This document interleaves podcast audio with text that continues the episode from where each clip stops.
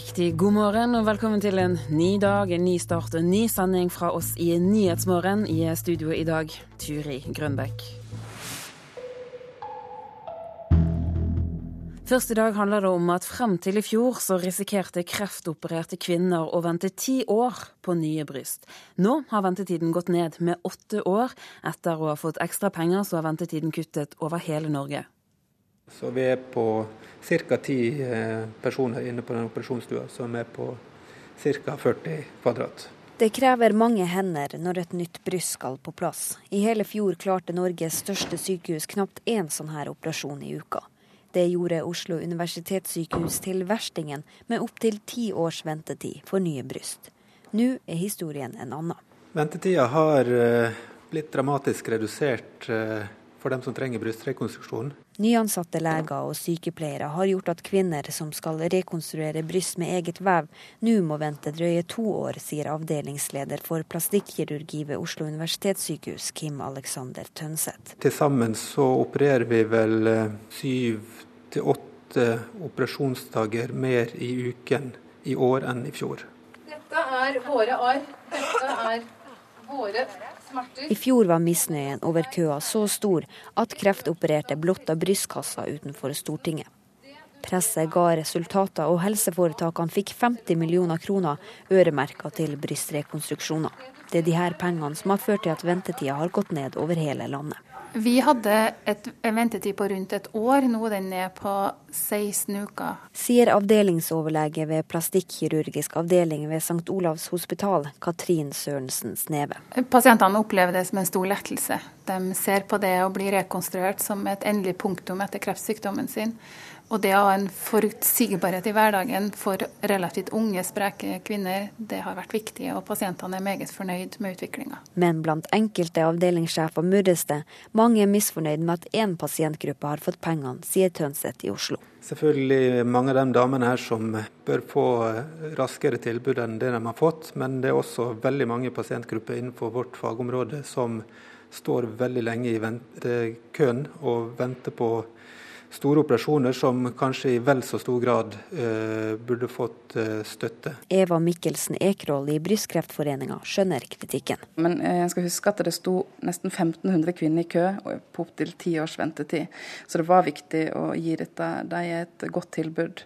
Eh, og rekonstruksjonsbevilgningene ga ikke bare fordeler til brystkreftpasienter, men òg til andre typer pasienter på de avdelingene. En har ansett flere plastikkirurger som jobber med, med andre sykdommer. Så det blir feil å si at, at, at disse øremerka midlene kun går til brystkreftpasienter. En har fått, fått et mer bærekraftig tilbud. Reporter her var Kristine Svendsen, statssekretær i Helse- og omsorgsdepartementet Robin Martin Koss. To års venting nå. Er målet nådd nå? Nei, eh, kampen mot eh, brystkreft den fortsetter. Vi satser eh, hardt på å gi bedre eh, behandling. Det gjør vi på mange fronter. Eh, det er veldig gledelig det vi nå får til på rekonstruksjon. Enda gledeligere er jo de tallene vi får på overlevelse. Nå har Norge høyest overlevelse på brystkreft i eh, Europa. Vårt mål når det gjelder rekonstruksjon, er at flest mulig kvinner skal kunne få et nytt bryst samtidig med at eh, kreften eh, fjernes. Eh, og når det ikke kan gjøres av medisinske grunner, at det skal skje raskest mulig i etterkant. Hva er raskest mulig? Det vil jo variere veldig fra kvinne til kvinne. Eh, for noen kan man gjøre en forholdsvis enkel eh, proteseoperasjon, et veldig godt resultat. Eh, andre har hatt stråling og har andre medisinske grunner til at man må gjøre andre, mer avanserte operasjoner. Da fins det nå moderne metoder som krever mye ressurser, men som kan gi et godt resultat. Vi hører her at det er en del kirurger som murrer og kritiserer og sier at andre grupper trenger jo en kortere reduksjon av ventetiden også?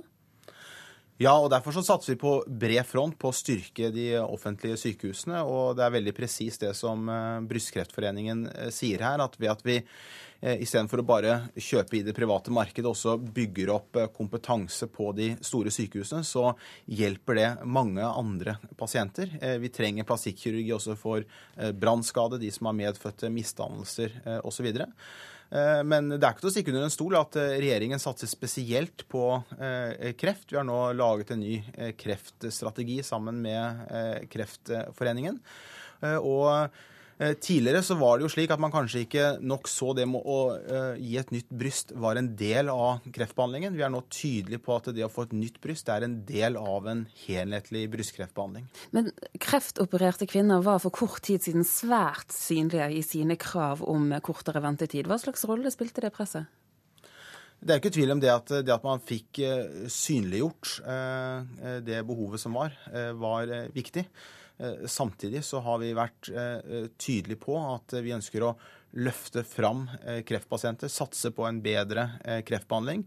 Både når det gjelder det å oppdage kreft tidlig, det å gi god cellegiftbehandling, det å gi gode operasjoner, god stråling, men også det med å kunne gi et nytt bryst. Vi vet nå at ved å planlegge behandlinga godt, det å ha nok kompetanse på hvert enkelt sykehus, så kan vi ofte gi et nytt bryst samtidig med at man fjerner kreften. Det er ressursbesparende for sykehusene, men ikke minst eh, et veldig godt tilbud til eh, de kvinnene som rammes. Men hvem går det på bekostning av?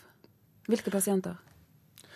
Det som vi har valgt å gjøre, er jo å si eh, nei til store skattekutt og heller gitt en økning til sykehusene. Vi har vel økt totalt 12 milliarder, men så så vi når det gjaldt brystkreft, så trengte man en økning på i tillegg til de pengene. Det at man kunne komme med en ekstrabevilgning, gjør jo at man bygger opp Eh, tilbudet, kan ansette flere, bruke flere operasjonssaler osv. Da mener vi at det kommer alle pasienter til gode. Robin Martin Kostak for at du var med oss her i Nyhetsmorgen. Vi skal til Egypt nå, for én person skal være drept og 17 såret i en bombeeksplosjon i den egyptiske byen Mansoura. Bomben ble detonert ved en politistasjon i byen. Også i Kairo har urolighetene kostet liv i natt. At least one person has been killed and scores injured during clashes in the Nile Delta city of Mansoura. I byen Mansoura har det vært mye vold helt siden før den arabiske våren nådde helt frem til Egypt. Denne gangen er det politiet som er målet. Hvem som står bak, er ikke klart. Bomben ble kastet fra en bil som så forsvant. Bomben eksploderte rett utenfor en politistasjon i byen. Hvor mange av de skadde som er polititjenestemenn, er heller ikke klart. Rapporter tyder på at det ble avfyrt en rekke skudd mot en bygning ved politistasjonen rett etter bombeangrepet. Politiet er nå støttespillere til kuppmakerne i landet, men det behøver ikke å bety at angriperne er tilhengere av den kastede presidenten Mohammed Mursi, for konflikten mot politiet i denne regionen har vart siden politiet ble sett på som den mest korrumperte delen av det gamle Mubarak-regimet. De demonstrerende tilhengerne av den kastede presidenten har også vært mål for angrep i dag. En Morsi-tilhenger skal være drept etter at væpnede menn begynte å skyte i Kairo. Demonstrantene hevder at kuppmakerne leier inn forbrytere og gir dem våpen så de kan angripe Morsi-tilhengerne. I går kom den blodigste konfrontasjonen på en uke. Da ble minst seks mennesker drept da skudd ble avfyrt ved universitetet i Kairo. På stedet der Morsi-tilhengerne har en kontinuerlig demonstrasjon. De krever at kuppmakerne setter Mohammed Morsi fri, eller i hvert fall lar han få snakke. Tilhengerne har ikke sett eller hørt fra ham siden dagen før kuppet. Over 100 mennesker er drept i Egypt siden Mohammed Morsi ble kastet av hæren. Frykten er at dette bare er starten på en voldsspiral uten ende i Egypt. Det sa reporter Halvard Sandberg. Marte Dalelm er nå trolig på vei til Norge. Etter at det ble kjent at hun ble dømt til fengsel i Dubai etter å ha anmeldt en voldtekt, så har saken hennes vakt stor internasjonal oppsikt. Denne uken ble hun benådet og fikk utreisevisum fra Dubai. Midtøsten-korrespondent Sigurd Falkenberg Mikkelsen, er det sikkert nå at hun er ute av Dubai?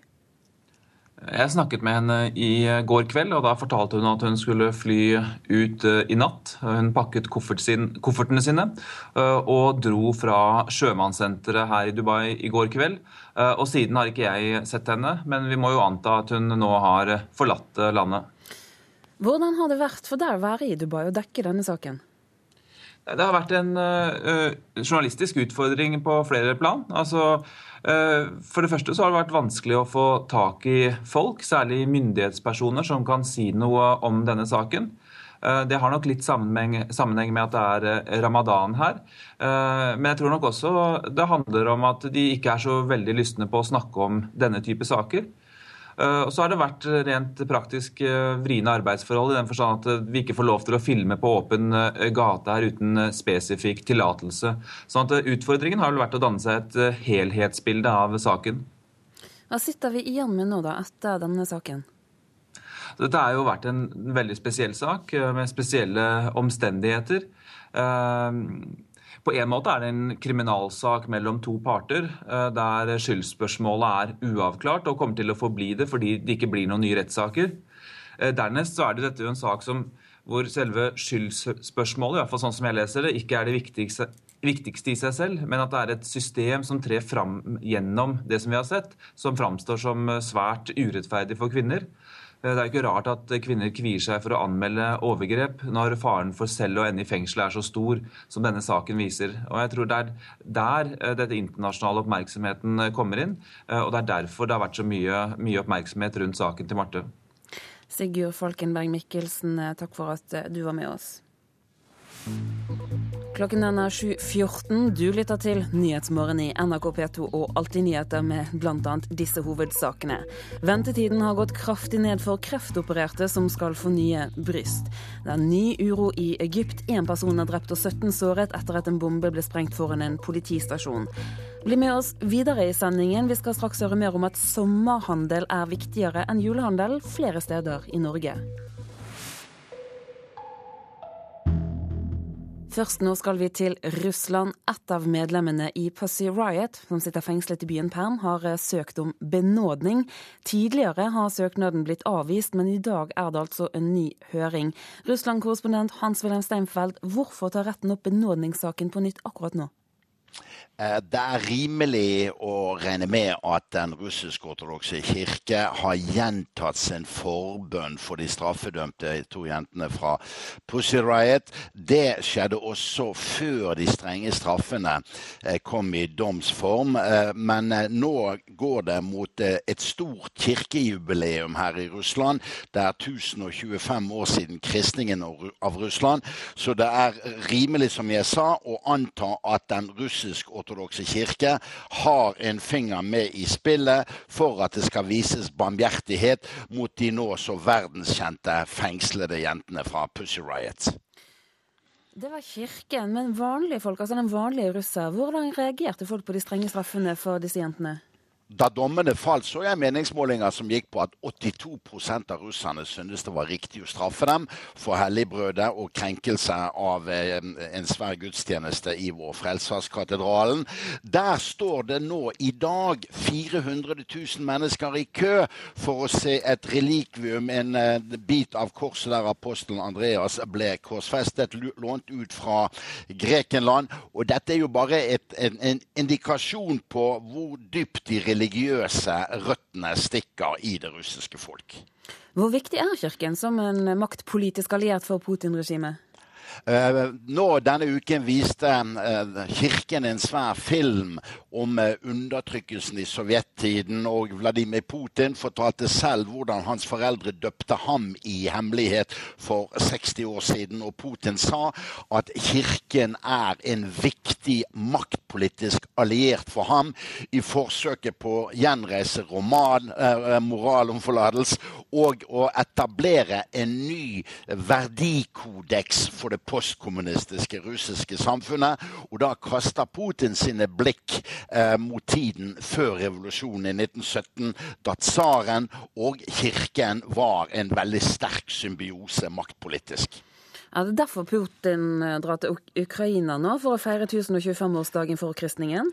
Ja, det er helt riktig. De drar han til helgen til Klippekirken i Kiev. Både naturligvis som statsoverhode for den største russisk-ortodokse staten å være til stede der, men også for å markere seg selv som en nå påstått troende menneske, til tross for at Putin opprinnelig var major i KGB. Slik at uh, selv om det har vært et skisma, et, en splittelse mellom den ortodokse kirken i Ukraina og her i Russland, drar Putin dit. Den forrige patriarken kalte det et svik at den ukrainske kirken brøt ut fra den russiske, men det var nå i Kiev kristendommen begynte her i Russland, og dit drar altså president Vladimir Putin for å markere sin allianse med styrke og eh, med overbevisning nå i helgen. Hans Wilhelm Steinfeld, takk skal du ha. Nå skal vi hjem igjen, for i deler av Norge så er sommerhandel viktigere for butikken enn julehandelen. Hvaler i Østfold topper når det kommer til kommuner som trenger feriehandelen mest. Vi lever av sommergjestene hele året, det sier butikksjef Stein Rune Flobakk på Kiwi Vesterøy. Det er helt avgjørende. Det er de tre månedene, juni, juli, august. Det er det vi skal leve av resten. Bilene suser forbi på vei ut i øyperlene på Hvaler i Østfold. Mens butikksjef Steiner Rune Flobakk i Prix Vesterøy noterer salgsøkning i godværet som herjer hele landet for tiden. Jeg vil tro vi kommer opp på 15 forhold til i fjor. Av kommunene er Hvaler i Østfold, Tjøme i Vestfold og Moskenes i Nordland mest avhengig av stommegjestene. Tre av ti kroner av årets salg tar de inn på den korte sommeren. Tallene Kvarud Analyse har laget for hovedorganisasjonen Virke, viser også at fylkene Aust-Agder, Sogn og Fjordane og Finnmark er mest avhengig av sommerhandel. Dette gir et uh, næringsgrunnlag som kommunene ellers ikke ville hatt. Det å ha sommergjester som shopper, det gir grunnlag for forretninger som ellers ikke ville hatt stort nok kundegrunnlag. Og det gir veldig verdifulle distriktsarbeidsplasser. Sier reiselivsdirektør Hilde Charlotte Solheim i Virke. Tallene er høye for nesten alle fylkene, og for mange fjord- og fjellkommuner rundt om i Norge. Sommersalget er helt avgjørende inntektsgrunnlag for flere enn vi tenker på, sier Virkes reiselivsdirektør Hilde Charlotte Solheim. Ja, for en distriktsordfører så teller hver arbeidsplass, og man teller hver eneste bedriftsetablering. Eh, hvis man ønsker å bosette seg i en norsk distriktskommune, så er man kanskje villig til å skape en arbeidsplass, ta over et en gård eller eh, være kreativ, men du trenger kanskje én jobb. Og så er kommunens jobb selvfølgelig å holde på lokalbefolkningen og ha et attraktivt tjenestetilbud. Men jeg tror handelsstand er litt undervurdert som verdiskaper og som strategi for å opprettholde bosetting i eh, norske distriktskommuner. I år vil vi bruke over 90 milliarder kroner i butikkene for å kose oss i ferien. Og en god del av disse pengene havner hos butikksjef Bente Buskoven på Kiwi Vesterøy på Hvaler. Det er jo ferie, så folk vil kose seg. Skjønner det. det er, eh, de må jo unne seg litt ekstra når det er eh, ferie. En vil jo det sjøl òg, når det er ferie. Reportere her var Hedvig Bjørgum og Vedis Kristine Borstad. Professor ved Handelshøyskolen BI, Tove Andreassen, kjenner du deg igjen i dette med at pengene sitter spesielt løst om sommeren? Ja, det kan jeg si på det godt og vondt. Eh, jeg merker det selv på min egen lommebok. Så det er nok helt riktig. altså da Når vi kommer til eh, sommeren, så eh, er det konsum som vi ofte vil da, hvor vi vil belønne oss selv på en måte. altså Der vi har levd gjennom en kaldt vinterhalvår, og nå kommer da solen og sommeren og varmen, og sjelen begynner å, å. Så da vil vi være gode mot oss selv. og Da får vi et litt annet kjøpemønster enn hva vi vanligvis har. altså Da vi kjøper kanskje litt oftere, litt dyrere ting. ikke sant? Vi har litt mer impulskjøp. og eh, i det hele tatt Vi vil da, da ha fylle hverdagen med ting som er gode ting vi kan ta med oss inn i det kalde halvåret igjen. Ja, så Sånn sett ingen overraskelse at det er bedre handel på sommeren enn om jul for mange butikker? Nei, det vi må vite det, og dette gjelder jo da noen veldig populære sommersteder rundt omkring i Norge. Eh, hvor som da får en voldsom tilstrømning av folk i en, i en kort, hektisk periode. Og eh, Det er det som gir denne ekstra omsetningen, altså da, som gjør det mulig for dem å opprettholde da hverdagen. altså Når da sommergjestene skrur ned skiltene sine og reiser hjem igjen, så har de da handelsstanden og de andre har fått da nok penger i kassaapparatet til å betale regningen gjennom da det halvåret, det året hvor da gjestene ikke er der på samme måte. For kommuner som har lyst til å holde på innbyggerne sine, hva slags potensial ligger det i, i handelsstanden? Handelsstand er bare én ingrediens. så Vi skal ikke overdrive betydningen av det, altså, men det er en viktig, men det er bare én ingrediens. Så det vi har, det er at folk er på ferie. De ønsker nå å ha gode minner. så De vil ha en periode hvor de da kan komme hjem igjen fullt batteriene med ny energi. De vil ha nye opplevelser, de vil ha nye ting de kan vise til vennene sine. Nye opplevelser de kan fortelle om. ikke sant? Og Da er handelsstand bare én, men en viktig ingrediens. altså Det er alt det andre også. ikke sant? Så Jeg tror vi kan tenke på sommerturisten som en person som søker etter opplevelser, etter gode historier, gode minner. Og da er alt som kan inngå i dette, med på da å skape dette bildet, denne opplevelsen. Som at dette var et godt sted å være, dette var en hyggelig opplevelse. Her vil jeg komme tilbake igjen.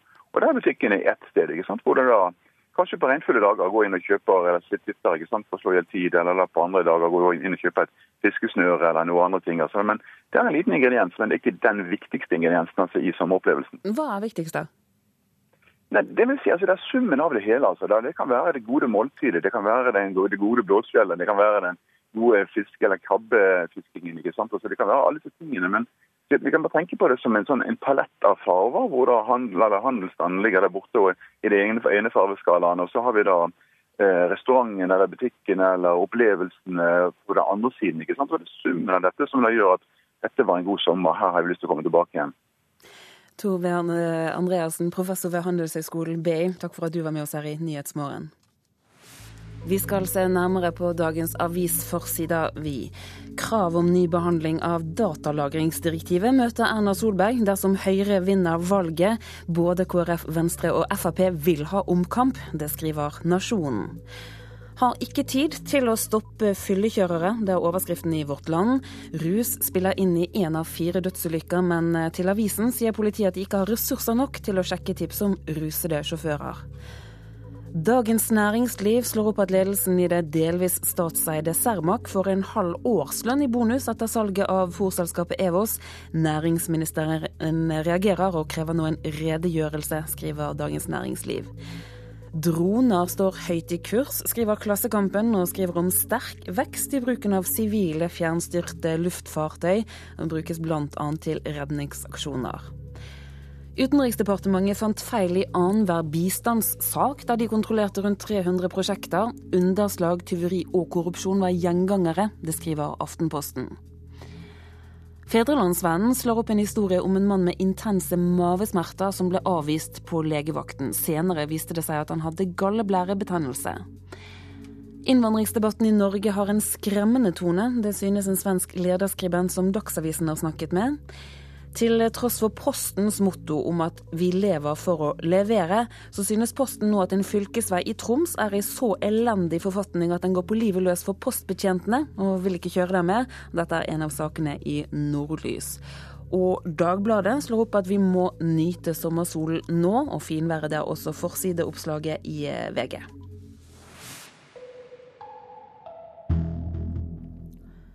For første gang er en papirklipper årets Olsok-kunstner. Karin Bitt Velje har klippet Olav den hellige i papir, og verdens eneste professor i papirklipp er mektig imponert, og i går kveld åpnet utstillingen på Stiklestad. Jeg trodde ikke at mine papirklipp kunne ha noen interesse for andre enn meg sjøl. Så det her det har absolutt aldri noensinne drømt om skulle bli virkelighet.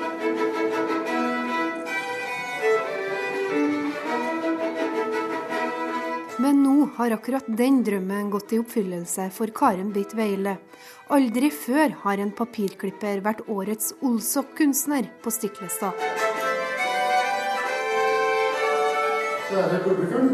På vegne av Stiklestad Nasjonale Kultursenter er det stor glede og ære å ønske velkommen til åpning av årets Olsok-utstilling med Karen Bitt Veile som årets Olsok-kunstner. Inn i rommet. Det gode med papirklippene er at man kan se dem fra begge sider. Så trekk bare inn i rommet. Omgitt av betongvegger henger 40 skjøre papirklipp, som hver og en forteller sin egen historie. De minste er bare noen centimeter, de største er flere meter. Alle er klippa for hånd. Dette er jo det klippet som jeg har øh, fått i Publikum samler seg rundt hovedverket som tok tre måneder å lage. Det viser Olav den hellige og hans historie. Her ser vi Olav den hellige som sitter med øksen sin og septeret sitt. Og klippet er delt i to, fordi han var en meget splittet person som levde i en brytningstid. Den dansk-norske kunstneren stilte ut for første gang i 2008. Siden da har hun jobba for motehuset Hermes og designeren Georg Jensen. Hun har også stilt ut i Kina, USA og Europa.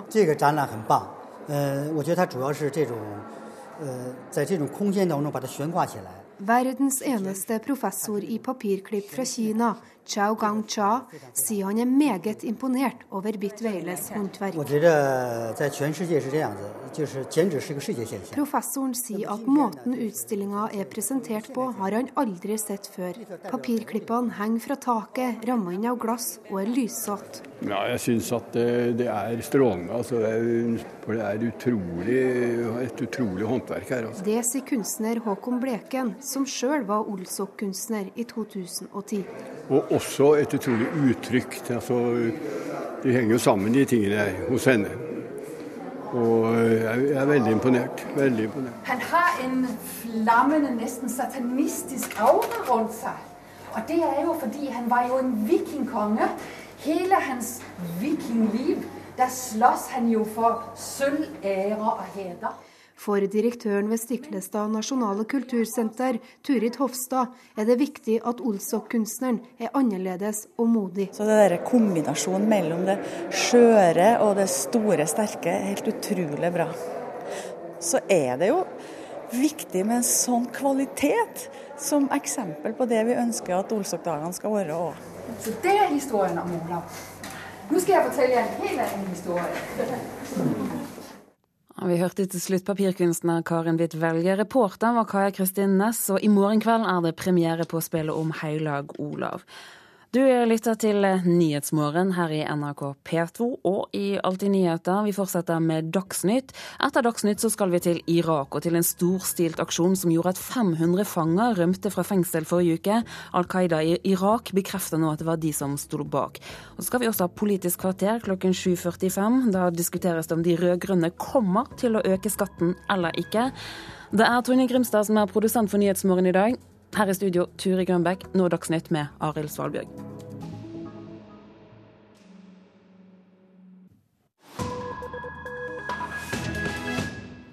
Du lytter til Nyhetsmorgen. Vi skal til Irak nå, der Al Qaida bekrefter at det var de som sto bak en storstilt aksjon for å frigi fanger sist søndag. Minst 41 personer ble drept, rundt 500 fanger skal ha rømt.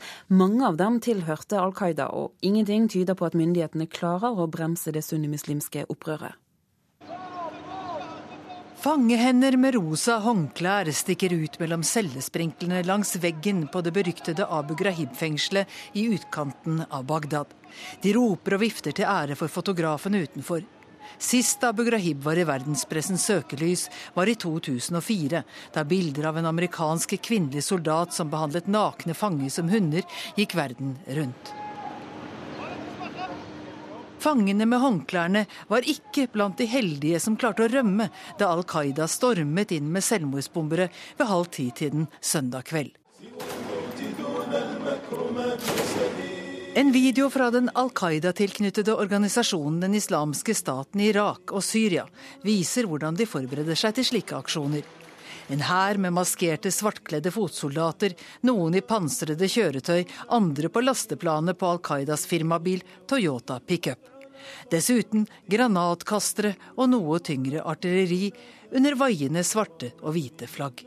Nøyaktig som i amerikanske skrytevideoer viser Al Qaida hvordan de trener på å storme bygninger. Det var akkurat det som skjedde søndag. Både ved fengselet i Abu Ghraib og samtidig ved et annet fengsel nord for Bagdad. Kjøretøy som eksploderer ved porten, fullt av selvmordsbombere til fots. Og når kaoset er som størst, tar andre Al Qaida-soldater seg inn og frigir fanger. Justisministerens talsmann Wissam al-Fraiji hevdet mandag at nå er alt under kontroll. Det rimer dårlig med opplysningen om at 500 fanger slapp unna. Det fortalte Hakim al-Samili til flere internasjonale nyhetsbyråer. Han er medlem av parlamentets sikkerhets- og forsvarskomité og burde vite. Irak har nå en regjering dominert av sjiamuslimer. Under Saddam var det sunniene som bestemte, og Al Qaida har et hav av misfornøyde sunni-ungdommer å rekruttere fra. Bare i juli er over 600 mennesker drept i aksjoner mot sjiaer eller mot sunnimilits som ble kjøpt og betalt av USA for å samarbeide med myndighetene. Her i Topshi, en Shia-dominert bydel i Bagdad, ble over 30 sivile drept da flere bilbomber gikk av omtrent samtidig i travle handlegater sist lørdag. Søndag hadde stillheten og apatien overtatt. Al Qaida fantes knapt i Irak før USA og noen villige allierte gikk inn for å styrte Saddam. Nå er terrororganisasjonen sterkere enn noensinne, mens USAs hovedfiende Iran har en regjering dominert av sine venner i Bagdad.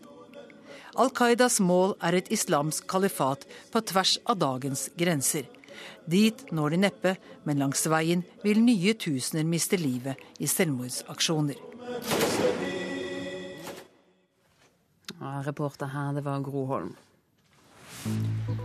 Du lytter til Nyhetsmorgen i NRK P2 og Alltid nyheter. Klokken nærmer seg 7.44. Dette er noen av hovedsakene i dag. Ventetiden har gått kraftig ned for kreftopererte som skal få nye bryst. Det er regjeringskrise i Sør-Sudan. Presidenten har sparket hele regjeringen. Og her hjemme viser det seg at sommerhandel er viktigere enn julehandel flere steder i Norge. Tiden er inne for eh, Politisk kvarter. Det er 46 dager igjen til valget. Skatt ser ut til å bli et hett tema i valgkampen. Det er også en av sakene i dagens Politisk kvarter. Per Arne Bjerke. Skatten kommer til å øke hvis regjeringen fortsetter, tror Høyre og Fremskrittspartiet. Men eh, hva slags skattepolitikk vil de borgerlige partiene føre hvis de vinner valget?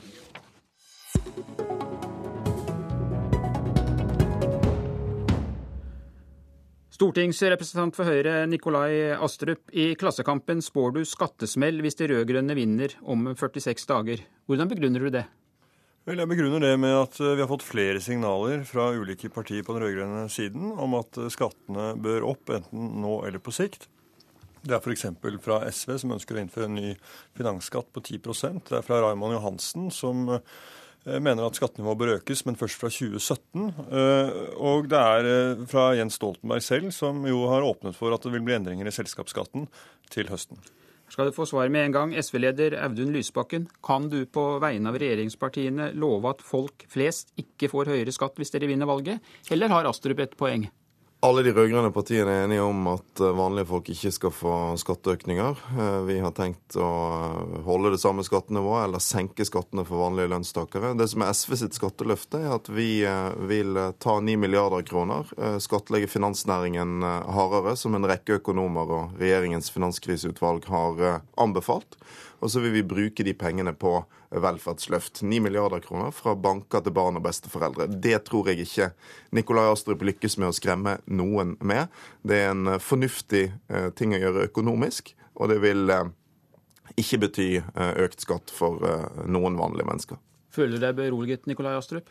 Jeg gjør ikke det, fordi eh, det er klart at vi har sett de siste åtte årene at beskatningen av norske arbeidsplasser er doblet eh, gjennom at eh, formuesskatten er, er, doblet. Og det, er, eh, det, er klart det går også utover til slutt vanlige lønnsmottakere, spesielt hvis vi nå får eh, dårligere tider. Da er det viktig at eh, bedriftene har rygg til å bære de tidene, og at de ikke får en særnorsk norsk, kraftig økt beskatning på toppen av det.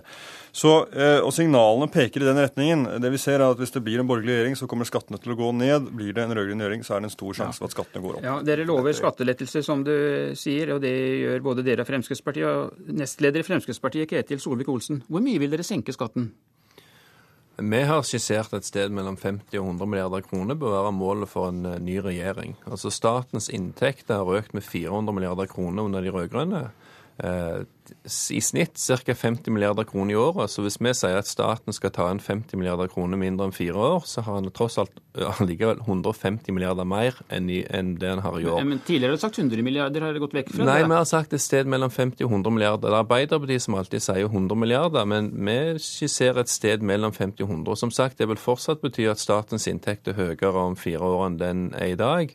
Men det er et enormt effektiviseringspotensial innenfor offentlig sektor. Vi kan gjøre ting bedre ved å gi folk bedre verktøy. Eh, og Dermed så må du ikke alltid øke skattene for å gi bedre tilbud. Du kan òg kutte i noe av det som, som en ikke trenger. Sånn at når, når, eh, når, Lysbakken sier at han skal ta, gi til barn og, og, og, besteforeldre, så sier vi at ja, du kan ta mye penger fra byråkrati og gi til gode tjenester til barn og besteforeldre. Hvor mye vil dere senke skattene? Vi har sagt at vi ønsker å redusere skattene i størrelsesorden 25 milliarder kroner. Eh, men eh, dette vil jo selvfølgelig være avhengig av hvilket handlingsrom man har i norsk økonomi, hva man, hva man får til, men det er altså ambisjonsnivået. Lysbakken, gjennom åtte år så har altså dere rød-grønne videreført skattenivået til regjeringen Bondevik, der Høyre var det største partiet. Hvorfor er du nå så redd for de borgerlige skattepolitikk? Så vi eh, økte jo skattenivået noe eh, når vi tok over makten i 2005. Det var nødvendig for å få til eh, et godt løft for kommunenes økonomi. Den store forskjellen mellom høyresiden og oss, det er jo at vi setter sterke fellesskap og små forskjeller først. Konsekvensen av Høyre og Fremskrittspartiet sin skattepolitikk det vil være to ting. Det vil være at forskjellene i Norge øker. Høyre har hvert år i denne perioden lagt fram alternative statsbudsjett som vil øke den sosiale ulikheten. Og så vil det bli velferdskutt.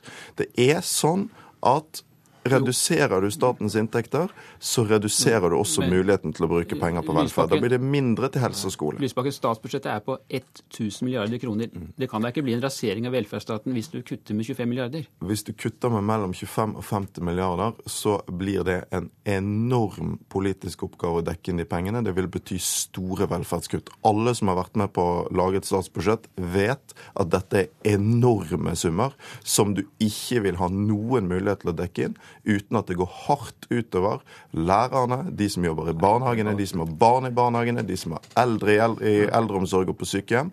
Det vil bety eh, et stort press for privatisering og kommersialisering. Solvik-Olsen? Nei, For det første så har vi vist gjennom våre alternative statsbudsjett at du gjennom omprioritering på statsbudsjettet kan både øke satsingen på helse, eldre og utdanning samtidig som du gjennom redusert byråkrati og tar vekk en del oppgaver som ikke har noe med velferd å gjøre, kan gi skattelettelser som gjør at folk flest har mer penger som gjør at de faktisk kan kjøpe sin egen velferd og styre over sin egen lommebok. For det andre, det at skattenivået har vært uendret under de rød-grønne, det er òg feil. fordi at de rød-grønne har økt en masse skatter og avgifter som de ikke tar med i regnestykket om skattenivå.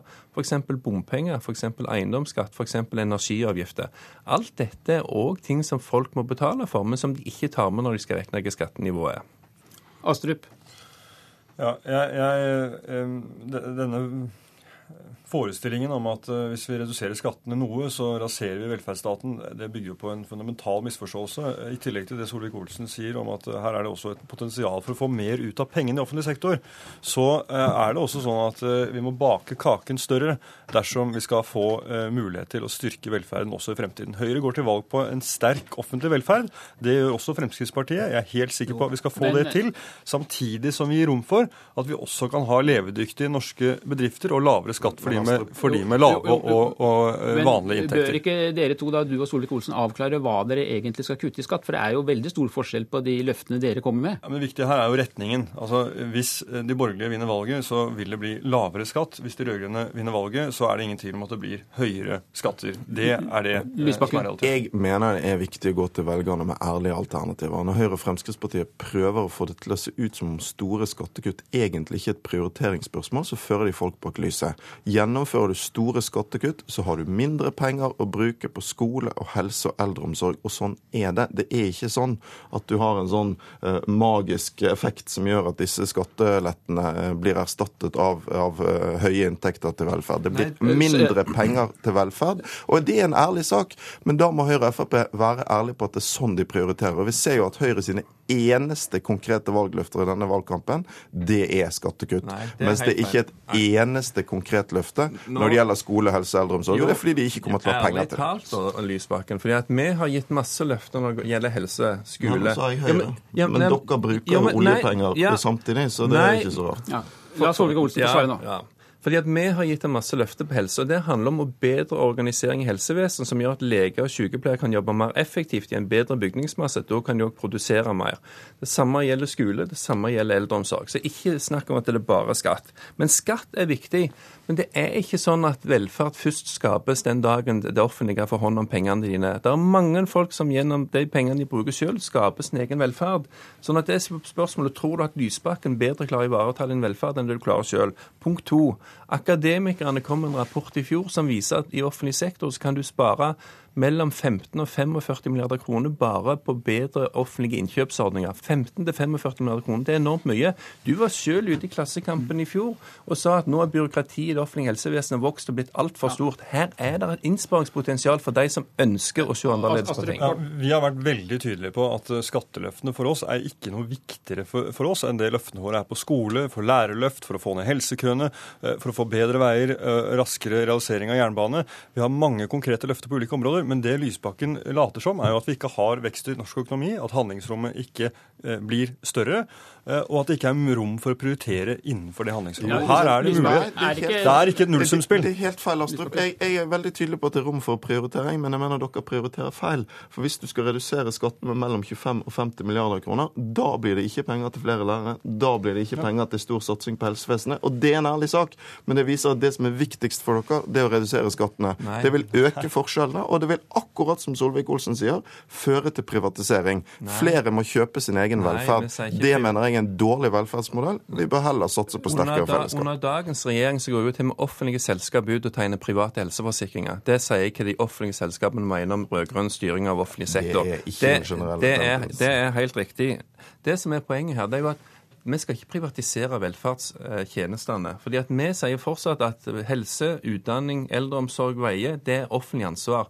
Det som er forskjellen på oss, er at vi ønsker å ta i bruk private aktører til å tilby tjenestene.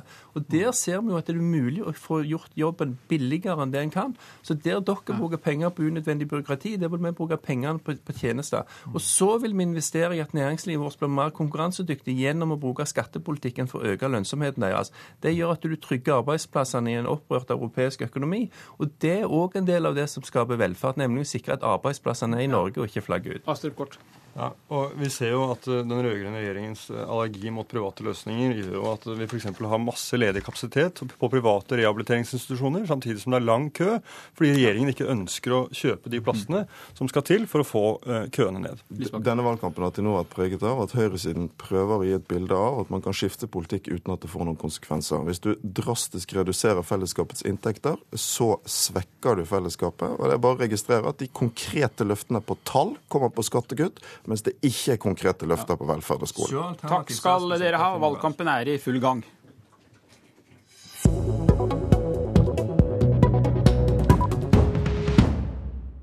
Det har alle sett som har hørt han, og han har jo vært mye fremme i det offentlige rom allerede. Han har nese for eh, de gode politiske sakene.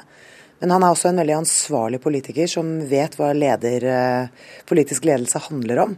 Eh, så han eh, tror jeg kommer til å være veldig synlig i offentligheten i mange år fremover. Ja, alle dro vel kjensel på Siv Jensen, og det var deg hun snakket om. Himansu Gulati, 25 år, leder i Fremskrittspartiets ungdomsorganisasjon og nummer fire på FrPs stortingsvalgliste i Akershus. Du er oppvokst på Lillestrøm, der Arbeiderpartiet har sittet med makta i 103 år. Hvorfor valgte du Fremskrittspartiet? For meg var Fremskrittspartiet det eneste partiet som var et alternativ. Og det handler om at jeg syns alle de andre partiene var veldig politisk korrekte. Hele tida skulle pakke ting inn, snakke rundt grøten, mens jeg er veldig stor fan av klar tale, si ting slik man ser det, istedenfor å pakke ting inn. Hvilke saker er du spesielt opptatt av? Jeg er opptatt av veldig mange saker. Både skatter og avgifter, spesielt utenrikspolitikk, sikkerhetspolitikk, men også spesielt innvandringspolitikk. Du har indisk bakgrunn. Hva har det betydd for å forme deg til den personen du er? Det er en viktig del av meg, og jeg er veldig stolt over min, min bakgrunn. Men, men, jeg tror også det var veldig viktig i mitt partivalg. For jeg har gjennom hele barndommen ikke minst sett uh, i India hvordan man hele tida har prøvd å tilpasse seg særkrav for minoriteter og kommet til et stadie hvor også minoriteter har egne lover og regler, basert på hva slags religion man har. Det gjør at jeg støtter en veldig kompromissløs linje når det gjelder integrering, og at folk må ha de samme kravene uavhengig av bakgrunn. Nå hørte vi nettopp hva Siv Jensen sa om deg. Hvordan tror du moren din vil beskrive deg? I, I, disse kongelige fødselsdager er det fristende å si 'royal baby', men uh, for å være litt alvorlig, så kanskje nok litt eventyrlysten og, og rastløs, vil nok kanskje min mor sagt. Ja, det er vel kanskje det du er. For egentlig skulle du bli lege, i likhet med de fleste andre i din familie, men så hoppet du av og begynte på filmskole i stedet. Hvorfor det? Jeg har nok en litt gründersjel eh, i meg, og jeg bestemte heller at jeg ville starte bedrift selv, og derfor gikk jeg over på BI, men jeg har jo fått mulighet til å jobbe med helsepolitikk. Så har du gått på filmskole? Det har jeg også gjort. Prøvd eh, flere ting. Men jeg har jo fått mulighet til å jobbe med helsepolitikk både som rådgiver på Stortinget og for byrådet i Oslo, så helt fri fra helse er jeg nok eh, ikke. Hva sa familien din da du hoppet av legetradisjonen? Det var nok et litt uh, ikke helt vanlig valg, verken det å begynne på filmskole eller hoppe av legestudiet, men jeg er veldig glad for at jeg har tatt de valgene jeg har gjort, og trives veldig godt i politikken. Og så er det blitt mer og mer politikk. Hvor har du fått dette voldsomme samfunnsengasjementet ditt fra? Jeg syns det er vanskelig å ikke bli både engasjert og litt provosert når man sitter og ser på media og ser på alt som ikke fungerer. Vi bor i verdens rikeste land. Til tross for det så har vi mange titusener, nesten hundretusener, over flere hundretusener i helsekø, veier som ikke bygges. Det er veldig vanskelig å ikke bli provosert av alt det som ikke fungerer i Norge, når vi har alle verdens forutsetninger for at ting skal fungere. Og så går du heller ikke av veien for en konfrontasjon. I vinter så ville du kaste blitzerne ut på gata. Hvorfor det? Nei, det, jeg mener at eh, man heller burde bruke f.eks. Blitzhuset til fremtidige skattebetalere til, som studentboliger eh, for de som skal bidra til samfunnet videre. Og blitzerne har vel ikke akkurat vært det beste eksempelet på folk som har gitt ting tilbake til samfunnet. Det er snart valg, og Hvilke oppgaver håper du på hvis eh, Fremskrittspartiet skulle gjøre et godt valg og komme i regjering? Jeg syns det er viktig at Fremskrittspartiet går opp inn og rydder opp i en del av de tingene som ikke fungerer. Enten det er boligpolitikk, innvandringspolitikk, justispolitikk. At man tar tak i det, snur det og viser at eh, man trenger våre løsninger for å få ting som ikke fungerer, til å komme på riktig spor. Hvilke personlige ambisjoner har du? Jeg, jeg, trives veldig godt i ungdomspolitikken, eh, og jeg håper jo nå at det blir et regjeringsskifte, at Fremskrittspartiet også får prøvd seg i posisjon. Men jeg mener også det er viktig at politikere driver med andre ting enn politikk. Så jeg mener at eh, det både for min del og andres del er viktig at man ikke driver med politikk hele livet. Hvis du skulle få være statsråd for én dag, hvilket departement vil du velge da? ja, det var et vanskelig spørsmål, det er så mange av, mange av de. Men, men kanskje um, Jeg har lyst til å rydde opp i byråkratiet gjøre noe med den store utesingen av byråkratiet som jeg mener er unødvendig. Takk skal du ha, Himanshu Gulati, stortingskandidat for Fremskrittspartiet. Og det var Politisk kvarter med Per Arne Bjerke her i studio.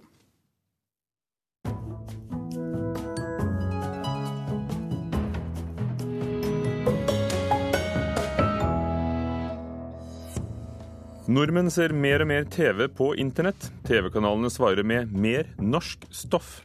Olsokdagene er åpnet, Hellig Olav er klippet i papir av årets kunstner, og det er store forventninger før ny versjon av spelet.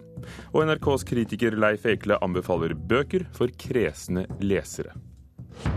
I dagens Kulturnytt i Nyhetsmorgen i NRK med Ugo Fermariello i studio. Flere og flere bruker internett til å se TV-serier, viser nye tall fra TNS Gallup. Fjernsynskanalene mener det er godt nytt for dem som lager norske programmer. I gamle dager så gikk det nesten alltid eh, amerikanske innkjøpte dramaserier etter nyheten og sporten. Eh, I dag vil man se at det i større og større grad er, er norskprodusert underholdning som er plassert der. Alex Iversen sitter i en djup stol på Hotell Bristol i Oslo. Han er kommunikasjonsrådgiver i TV 2 og har fulgt utviklinga i TV-seriemarkedet i ei årrekke. Når flere dropper tradisjonell TV-seing og heller ser TV på PC eller nettbrett, da er kanalene tvinga til å ta grep, mener Iversen. Fordi at man ser at, at man må på en måte produsere og satse på, på eget norskprodusert innhold for å, for å vinne seerne og vinne kampen om, om, andeler. Nye tall fra TNS Gallups i Interbuss-undersøking viser at 16% av oss som bruker internett, nå bruker det til å se TV hver dag. Det er 7% flere enn på slutten av fjoråret. Og det er særlig film og TV-serier folk vil se på nett. Det, det helt nye nå, eh, det som vi kommer til å huske dette året for, er at Netflix er kommet inn som en stor og viktig innholdsleverandør. Sist uke ble serien House of Cards historisk. For første gang ble en TV-serie som ikke var laga for TV, nominert til en Emmy. Serien er laga for strømmetjenesten Netflix, som har vært tilgjengelig her i landet i mindre enn ett år. Likevel sier nå hele 22% at de bruker Netflix hver måned. Jeg ser jo Mr. George Clooney der. Han var nok klar over at uh, damene syntes han var kjekk. Det, det, var han. På kontoret til Nina Lorgan Flemmen henger bilder fra møter hun har hatt med kjendiser fra seriene hun har kjøpt inn. Jeg er ansvarlig for alt som er internasjonalt på TV Norge. Så da er det min jobb da, å skaffe samme teamet mitt alle de seriene som dere vil se på våre kanaler. Og med Netflix og den voldsomme utviklinga på nett, har dette arbeidet nå blitt litt mer utfordrende. Vi er, vi er, så fullt oppdatert som mennesker da, at man kan ikke sitte og vente på en TV-serie i to år. Eh, jeg tror alle kanalene må måtte gjøre sitt aller beste å få produktene ut så fort som mulig. Så vi kan ikke sitte og holde på noen godbiter lenger. Flemmen er enig i at vi, når vi ser TV-serier på PC eller nettbrett, påvirker kanalene til å satse mer på norsk innhold. Jeg tenker at uh, så lenge vi klarer å lage gode norske egenproduksjoner, så vil seerne komme. Fordi det er noe de ikke kan laste ned noe annet sted.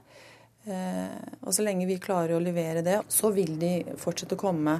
Vi ser jo dramaserier på en annen måte. Petter Wallace kjøper inn TV-serier til NRK. Han mener utviklinga også har gitt oss nye vaner. Mange grev seg nå langt inn i seriene og blir der lenge. Vi kan, eh, vi kan på en måte fråtse. Vi kan se uh, flere episoder samtidig. Mens andre mener det nå er mer rom for norsk innhold i beste sendetid, har Wallace sett noe annet positivt. Han mener verden nå er klar for mer norske serier. Serier som tidligere var for korte, men som passer perfekt for nett. Eh, og Da kommer vi nå inn på, på, lengder og former som passer oss nordmenn veldig veldig godt. Nå ser jo vi da at eh, våre produkter eh, blir likestilt i mye større grad med internasjonale produkter. Sa NRKs Petter Wallas til reporter Sondre Bjørdal.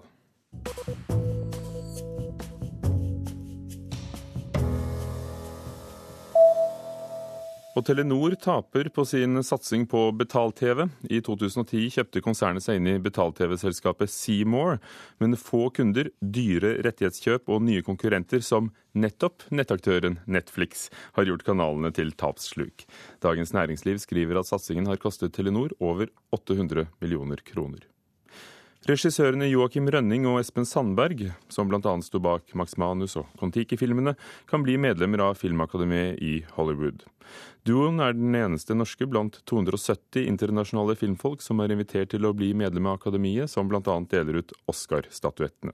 Dette viser at Rønning og Sandberg er blitt lagt merke til, sier utenlandsansvarlig Stine Oppgaard i Norsk Filminstitutt til Aftenposten i dag.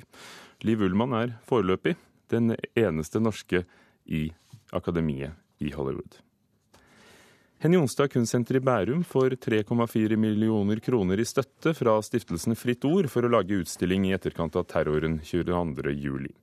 15 kunstnere samarbeider om utstillingen 'Vi lever på en stjerne', skriver Dagens Næringsliv. Tittelen er hentet fra Hanna Ryggens 'Teppe', og temaene blir ytringsfrihet, traumer og bysikring, og blir å se fra januar neste år.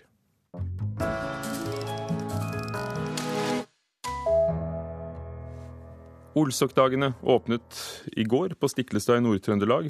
Aldri tidligere er Olav den hellige blitt klippet i papir, og papirklipperen Karen Bitt Veile er årets Olsok-kunstner. Og verdens eneste professor i papirklipp fra Kina er mektig imponert over det hun lager. I går kveld åpnet utstillingen i Stiklestad. Jeg trodde ikke at mine papirklipp kunne ha noen interesse for andre enn meg sjøl. Så det her det har absolutt aldri noensinne drømt om skulle bli virkelighet.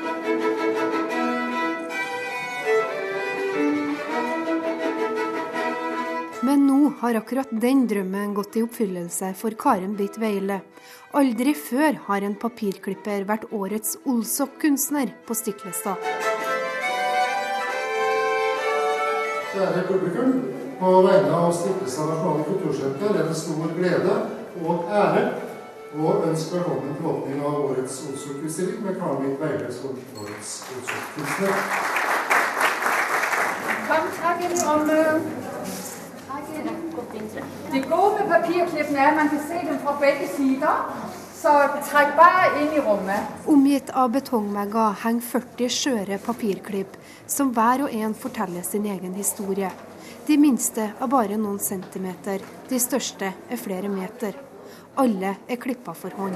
Dette er jo det klippet som jeg har øh, fått i oppdrag fra Stiklestad å lage. Publikum samler seg rundt hovedverket som tok tre måneder å lage. Det viser Olav den hellige og hans historie. Her ser vi Olav den hellige som sitter med øksen sin og septeret sitt. Og klippet er delt i to, fordi han var en meget splittet person som levde i en brytningstid. Den dansk-norske kunstneren stilte ut for første gang i 2008. Siden da har hun jobba for motehuset Hermes og designeren Georg Jensen. Hun har også stilt ut i Kina, USA og Europa.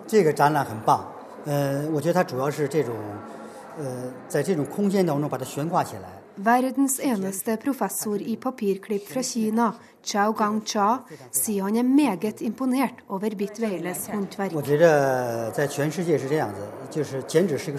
Professoren sier at måten utstillinga er presentert på, har han aldri sett før. Papirklippene henger fra taket, rammer inn av glass og er lyssatt. Ja, jeg syns at det, det er strålende. Altså, for det er utrolig, et utrolig håndverk her. Altså. Det sier kunstner Håkon Bleken, som sjøl var Olsok-kunstner i 2010.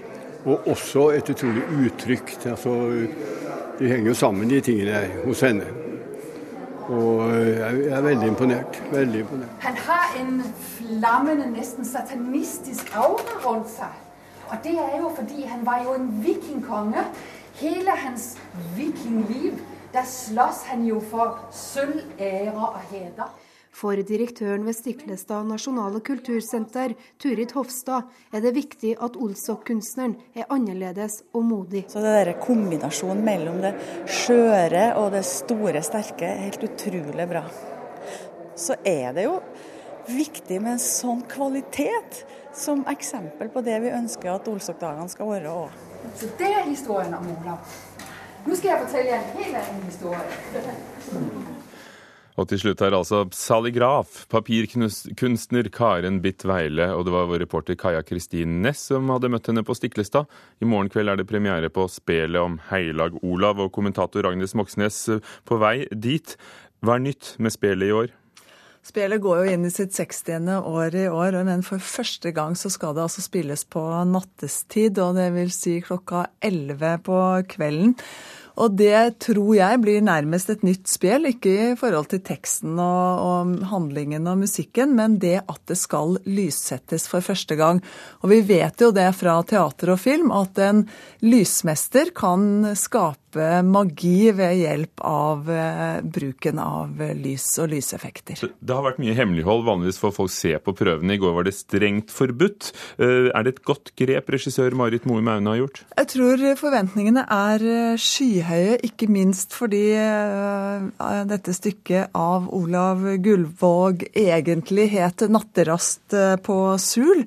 Og det foregår jo i dagene og natta før slaget på Stiklestad den 29. juli 1030, da kong Olav Haraldsen altså dør og Olav den hellige fødes. Det er kommet mange spel i Norge etter hvert, men står Stiklestad-spelet seg som det de fleste legger merke til? Ja, Det blir jo veldig ofte omtalt som alle spels mor, og jeg tror det de gjorde den gangen, det var å finne en vellykket formel for hvordan de skulle få det til. Altså i denne finansieringen og organiseringen som foregår i et samspill mellom det, det lokale og private og det offentlige. Og så er det selvfølgelig den enorme innsatsen som gjøres av frivillige hvert eneste år. Jeg tror det er 700 som er engasjert nå for å få til spelet i, i år. Og så har vi dette her da med at amatører og profesjonelle møtes på scenen. De beste av skuespillerne i Norge kommer til Stiklestad. I år er det Henrik Mestad som spiller kongen, og, og Heidi Gjermundsen Broch som spiller Gudrun, som er en veldig viktig rolle på Stiklestad. Er det et poeng i seg selv å fornye seg for et spill? Ja, altså jeg har tenkt på det at Hvis noen skal ta en doktorgrad i betydningen av motstand, så syns jeg de bør studere det vitale spelet om Heilag Olav. Fordi at det er så veldig mange som har et nært forhold til det spelet. Og det er så nært at når noen gjør forandringer, så blir det høylytte protester, og de protestene de varer veldig, veldig lenge ofte. Og det sier jo noe om betydningen av dette spelet, men det har jo gjort at det er instruktører som er persona non grata eh, på, i, på Stiklestad. Og det betyr også at en kar som eh, Paul Ottar Haga fra Verdalen jo nektet å gå på scenen så lenge Stein Winge hadde regien der. Er det mindre krangel nå, eller er forandringene, faller de bare mer i smak? Nei, Det får vi se. Altså Det de sier eh, på, Stiklestad, det er, eh, når de tuller med dette, denne motstanden sin, er jo at det var mye bedre før. Men jeg tror egentlig at det er litt av hele forventningene nå, at det skal skje et eller annet man reagerer på, og så får man ta den debatten. Takk skal du ha, Agnes Moxnes på vei til spel om Heilag Olav, som altså har premiere i morgen på Stiklestad. 16 minutter over åtte dører på Nyhetsmorgen i NRK overskriften i dag. Ventetiden er gått kraftig ned for kreftopererte som skal få nye bryst. Vi ønsker å løfte fram eh, kreftpasienter, satse på en bedre eh, kreftbehandling. Også det med å kunne gi et nytt bryst. Statssekretær i Helse- og omsorgsdepartementet Robin Koss. Ny uro i Egypt. En person ble drept og 19 såret da en bombe ble sprengt foran en politistasjon. Og sommerferiehandelen trygger tusener av arbeidsplasser i Distrikts-Norge. Dette gir et uh, næringsgrunnlag som kommunene ellers ikke ville hatt. Det å ha sommergjester som shopper, det gir grunnlag for forretninger som ellers ikke ville hatt stort nok kundegrunnlag. Og det gir veldig verdifulle distriktsarbeidsplasser. Og det var Virkes reiselivsdirektør Hilde Charlotte Solheim, og senere i Kulturnytt skal vi høre om sommergjestene som også fyller bibliotekene. Politidirektoratet er godt fornøyd med politiets innsats på Twitter. Det er resultatet etter en pågående gjennomgang av kommunikasjonsstrategien til direktoratet. Her har åpenhet og et ønske om å møte yngre vært sentralt. Mens operasjonssentralen i Oslo politidistrikt var først ute, tok det litt lengre tid før kollegaene i Troms fulgte etter. Og nå skal vi inn i det aller helligste. Ja, jeg skal inn der og bare se at det er klart først. Så jeg må vente? Ja. I Tromsø, som i resten av landet, administreres politiets Twitter-konto fra operasjonssentralen. Her sendes det ut meldinger om alt fra væpna ran til mer kuriøse ting, som dagens savnede fugl, som vi snart skal høre mer om. Men inn hit får vi ikke komme helt ennå. Politimester i Troms, Ole B. Sæverud, forteller at en av politiets grunner til å sende ut Twitter-meldinger er å spare tid. Får vi en melding om trafikkulykke, og gjorde vi det tidligere, så fikk vi telefoner med en gang. Altså Folk tipsa om utrykning, og så, og så ble det telefonoppringninger til operasjonssentralen. Og Det er i en fase der vi har mye å gjøre og ikke oversikt over situasjonen. Da kan vi nå legge ut en kort tweet om eh, at vi har fått melding om trafikkulykke og sted, og at vi er på vei. Da er det mulig for oss å gå ut eh, og informere både journalister og dermed allmennheten eh, fort. Og vi gjør det på en rask og effektiv måte, sånn at vi får konsentrert oss om de politioppgavene vi skal gjøre. Troms politidistrikt har henta erfaring fra kollegaene i Oslo, som var først ute med dette i Norge. Leder for operasjonssentralen her, Martin Strand, har vært sentral siden oppstarten, og sier den opprinnelige ideen var å få informasjon kjapt ut til journalister for å frigjøre ressurser. Men de oppdaga tidlig at dette ga andre positive ringvirkninger. Ja, Vi har gjort masse da, erfaringer gjennom de to åra vi nå har, uh, har, holdt på.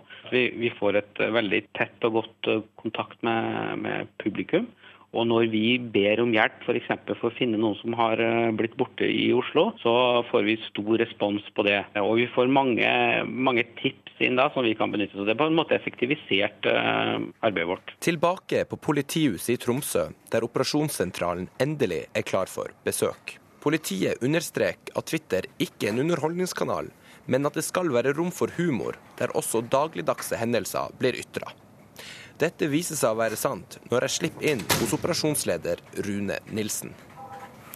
Den her var jo basert på tips fra, fra et vitne eller publikum. Da. Han har samme dag sendt ut ei melding om at en Kjell har blitt kidnappa. Hva som skjedde nå? Nå var det en av dine kollegaer i pressen som var nysgjerrig på den her såkalte Kjellen som vi har tvitra om. Så vi får høre hva den Det er politiet i Tromsø. Hei, du. Ja. Det er intet nytt. Den er fremdeles eh, savna.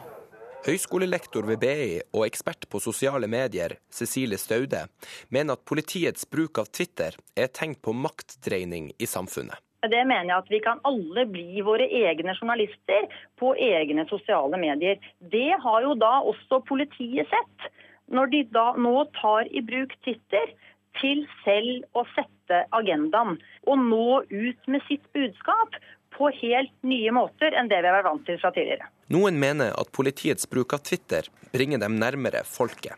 Men etter en dag på politihuset får man full forståelse for at de ikke kan svare på alt som rører seg på sosiale medier. Jeg har jo en som har kommentert med det Kjell, altså en som stiller Kjell? spørsmålstegn, ikke Kjall, altså. Og reporter i Tromsø, Christian Hogstad Nordlund.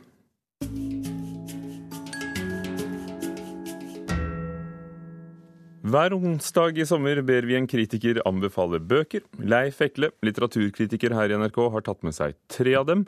Ehm, og Leif Ekle, dette er altså spesielt egnet for den som gjerne leser på engelsk. Ja, i og for seg. Ettersom, eh, så vidt jeg vet, så er ikke noe av dette utgitt på norsk. Ehm, det første jeg har tatt med meg, er to bøker av en, eh, en amerikansk kriminalforfatter som heter Ace Atkins. Nå har jeg jo snakka om kriminalbøker i radioen i, i veldig mange år, og, og i seinere år har jeg sagt mye negativt om kriminalbøker. Eh, det betyr ikke at jeg har slutta å lese kriminalbøker sånn privat. Eh, og noen ganger så, jeg, så har jeg veldig stor glede av å, å finne tilbake til eh, særlig den tungt dialogbaserte, jordnære kriminalboka. Ofte fra USA, ofte fra andre kanter, men i dette tilfellet så er det altså fra USA. Ace Atkins eh, er fra Mississippi. Det er også mange av personene i bøkene hans. Den trilogien jeg skal snakke om, eh, det er iallfall en trilogi så langt, om en soldat, eks-soldat som heter Quinn Colson. Det vil si han kommer hjem på en lang perm. Eh, der begynner trilogien. Så viser det seg at hans gamle bestefar, som er sheriff i byen, har dødd, blitt drept, kanskje begått selvmord. Og det rulles opp en, en lang historie om korrupsjon, spilleavhengighet og elendighet, og et bilde av en bestefar som ikke var den han trodde. Som har rota livet sitt til noe ettertrykkelig. Dette foregår nord i Mississippi, oppe i, i høylandet, eller, eller, The Hills, som de sier. Eh, litt, litt sånn ordentlig hillbilly.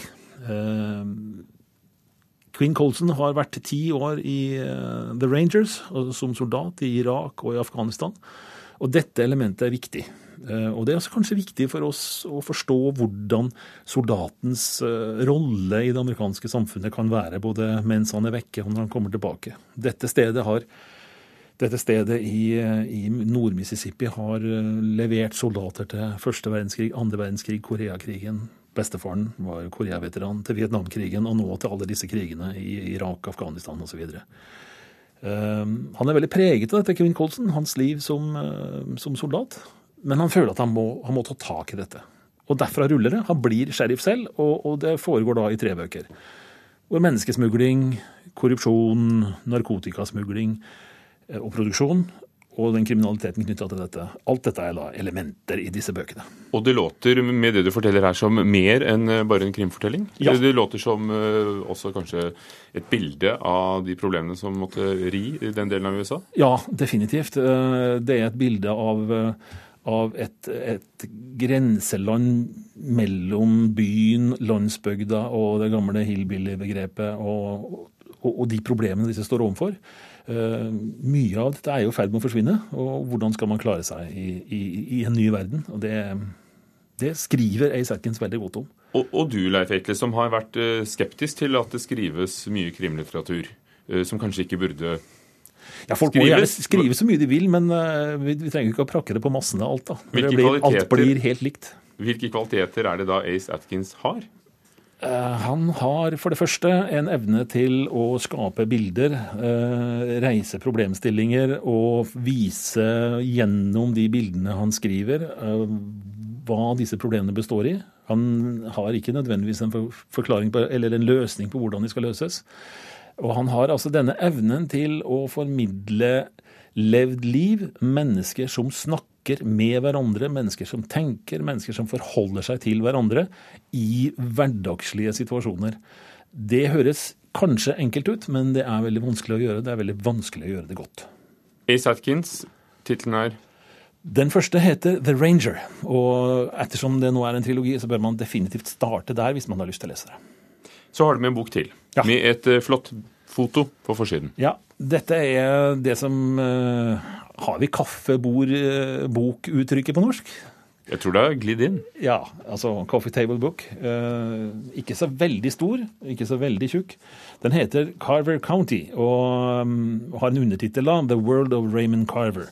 Og Raymond Carver er da denne fantastiske stilskaperen eh, av en amerikansk novelleforfatter som eh, svært mange, også her i Norge, har, har, og har hatt stor respekt for. Han har prega mange norske novelleforfattere også, måten han skriver på. Han er for lengst borte. Eh, Denne boka er tekster, altså deler av hans noveller, satt sammen med fotografier av en fotograf som heter Bob Edelman. Han eh, begynner jo å bli en veldig voksen mann. Han er født i 31, tror jeg. Eh, Var nær knytta til den amerikanske borgerrettsbevegelsen. eh, Og, og, og skapte seg et navn da. Og så har han altså i lange perioder fotografert Raymond Carver, vært sammen med Raymond Carver, men også tatt en mengde bilder da, som, som er knytta til dette hverdagslige eh, nedpå jorda-livet. Eh, helt alminnelige menneskers liv, som han der klarer å finne vinklene og detaljene på. Og Disse er satt opp mot deler av Ray, Raymond Carvers noveller. Jeg har ikke lest dette ennå, det skal jeg gjøre når jeg sjøl skal ha ferie. Og denne boken heter Den heter Carver Country, eh, The World of Raymond Carver. Og Altså, det er tekster av Raymond Carver satt opp mot fotografier av Bob Edelman, og så er det et eh, etterord av Tess Gallagher, som var gift med Raymond Carver. Takk skal du ha, Leif Ekle, litteraturkritiker her i NRK. Det skjer hvert år på denne tiden. Sommergjestene fyller bibliotekene i Vestfold. Peter Guren er bare én av mange turister som benytter seg av tilbudet ved biblioteket i Larvik. Du, vi er på ferie her, så vi er her hvert år med hele familien, selvfølgelig. Ja, Vi har masse, låner masse greier her. Du har med deg nett og greier og Ja, du, Vi er såpass drevne at vi har liksom Larvik eh, biblioteknettet. Ja. ja, vi har seks unger, så da er, det, da er det filmer og tegneserier, og vi bare fyller opp hytta, på en måte. For dette er lyden av bøker som registreres inn og ut. Og lyden, den er like aktiv om sommeren som ellers i året. For i sommermånedene er de faste sommergjestene tilbake. Og når man er aktive bibliotekslånere, forteller Guren at det er vanskelig å holde orden. Det er alltid noe som ligger igjen, da, ikke sant? og da skal vi ikke ned før neste år. Så jeg starter jo alltid året med å liksom Du kan ikke låne, for du skylder litt penger fra i fjor. Ikke sant? Vi, har ikke fått, vi pleier å dytte inn luka da når vi reiser hjem seint en kveld, ikke sant? sånn 10. august. Så da, du skjønner, da ligger det igjen noe på hytta. Men det Så alt jeg begynner alltid året med å betale litt eh, litt gjeld, og så ja, nei, nå får du lov til å låne, så velkommen igjen. Bibliotekar Anne Labori syns det er spesielt hyggelig med sommerturistene.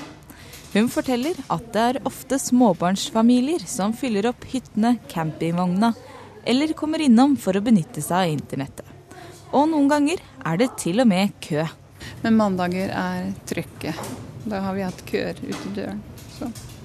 køer ute i dørene, ja. selv om det er strålende sol ja, utafor. Ja, faktisk. Det er godt besøkt gjennom hele sommeren. Jo, men husk at vi bor i Vestfold, da, og det er mange turister, veldig mange faste hyttegjester som kommer her hvert år. Så vi har stor pågang hele sommeren. Hun forteller at bibliotekene i Vestfold arrangerer lesekampanjer for barn som gjør de attraktive gjennom hele sommeren. At vi har internett, og at vi har den lesekampanjen. Og at det er folk som bare kommer innom og vil lese avisen eller bla i og låne en bok og ha med på stranda. Hun har ikke sett så mange unge voksne, men disse har Labori en klar formening om når dukker opp igjen. Ja, kanskje ungdommene er et annet sted, men de kommer når de får barn. Reporter her var Kristine Masdal Odne. I Kulturnytt i dag har vi hørt at eh, 16% av internettbrukere ser TV daglig på nett, og særlig utenlandske serier. Det gjør at de gamle TV-kanalene heller satser på norsk innhold. Teknisk ansvarlig var Hilde Tosterud, produsent Ina Strøm, programleder Ugo Fermariello. Dette er Nyhetsmorgen. Klokken er straks halv ni.